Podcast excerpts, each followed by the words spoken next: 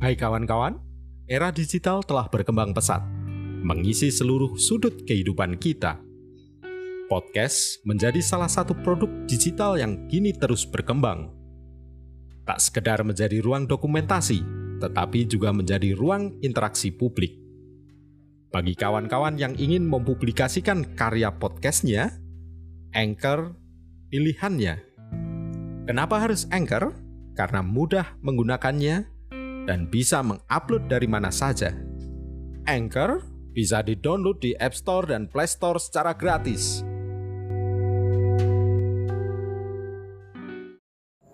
Hai pendengar semua, salam Kobis Merajut Sastra. Pada Ramadan 2022 kali ini, Kobis Merajut Sastra akan menemani kalian dengan rangkaian cerpen selama sebulan penuh. Setiap cerpen akan dibuat berseri dalam 2 sampai 3 bagian. Tujuannya agar pendengar tetap bisa mendengarkan kisah-kisah sastra di sela-sela rangkaian ibadah Ramadan. Selamat mendengarkan.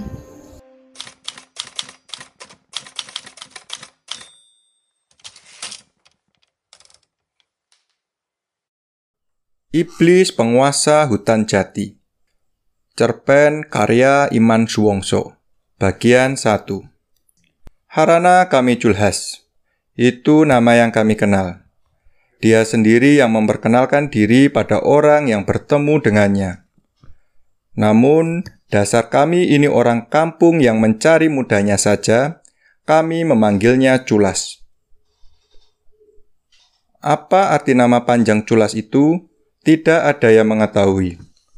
Adapun nama culas oleh orang kampung di otak-atik gaduk, karena bangsa mereka memiliki sifat umum semacam itu. Culas. Karena culas memang makhluk sebangsa iblis. Seperti bangsa iblis lainnya, tentu saja culas menyimpan banyak misteri. Satu di antara misteri itu terletak pada jenis kelaminnya. Menurut nenek moyang, leluhur kami yang membuka desa yang kemudian kami tinggali ini, sudah bertemu dengan culas semenjak pertama kali kakinya menginjakkan tempat ini. Waktu itu siang hari. Tatkala sedang mendirikan yup-yupan datang seorang perempuan. Parasnya cantik rupawan, usianya kira-kira 25 tahunan. Payudaranya juga montok. Leluhurku itu usianya sepantaran dengannya. Tentu saja blingsatan dikunjungi orang cantik. Perasaannya antara bergelora dan curiga. Nafsu dan akalnya berbenturan. Belum lagi selesai kecamuknya, perempuan itu bilang, "Kang, sarapan dulu." Bujuk rayunya persis seorang istri yang sedang mengirim ransum di tengah tegalan. Ketika suaminya bekerja keras menggarap tanah. Leluhurku itu memang benar orang yang linuwih. Suka prihatin dan senantiasa waspada. Ia tahu makanan yang dibungkus daun jati itu ketika dibuka berisi binatang-binatang serangga.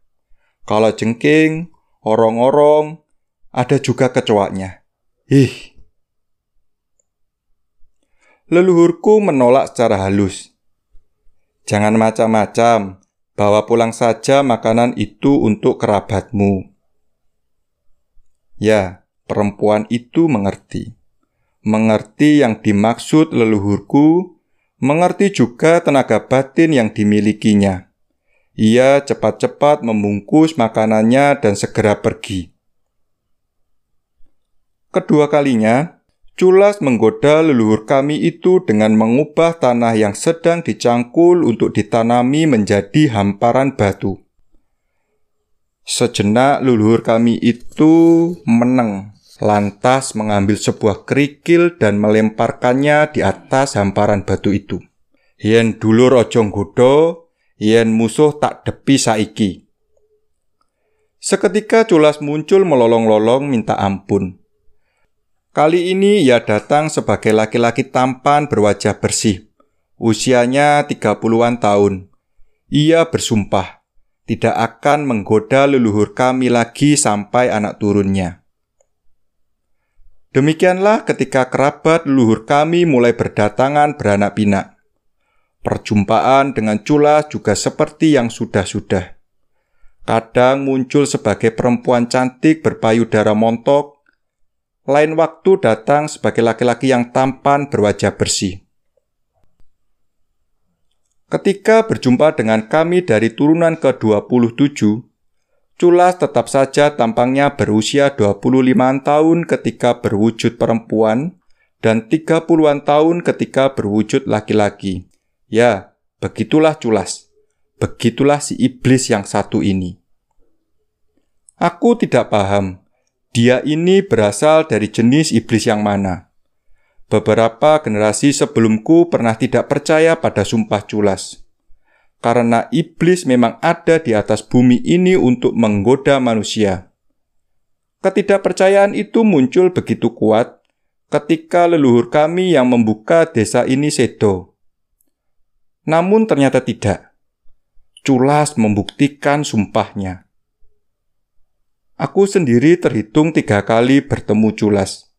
Pertama kali berumur 12 tahun, sudah selesai sunat.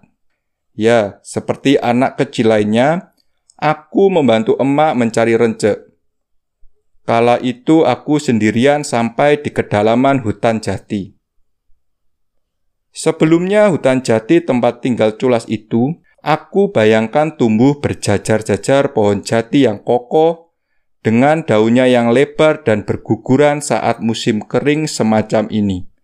Tapi tidak tidak ada deretan jati yang ranting-ranting keringnya menghiasi langit biru.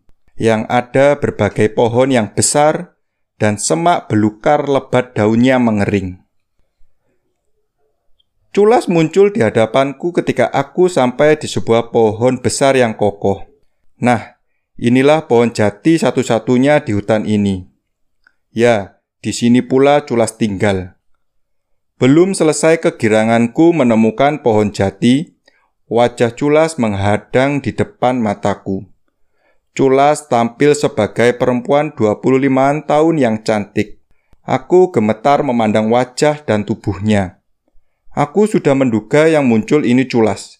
Tapi aku tidak membayangkan kalau kecantikannya sampai menyesakkan nafasku.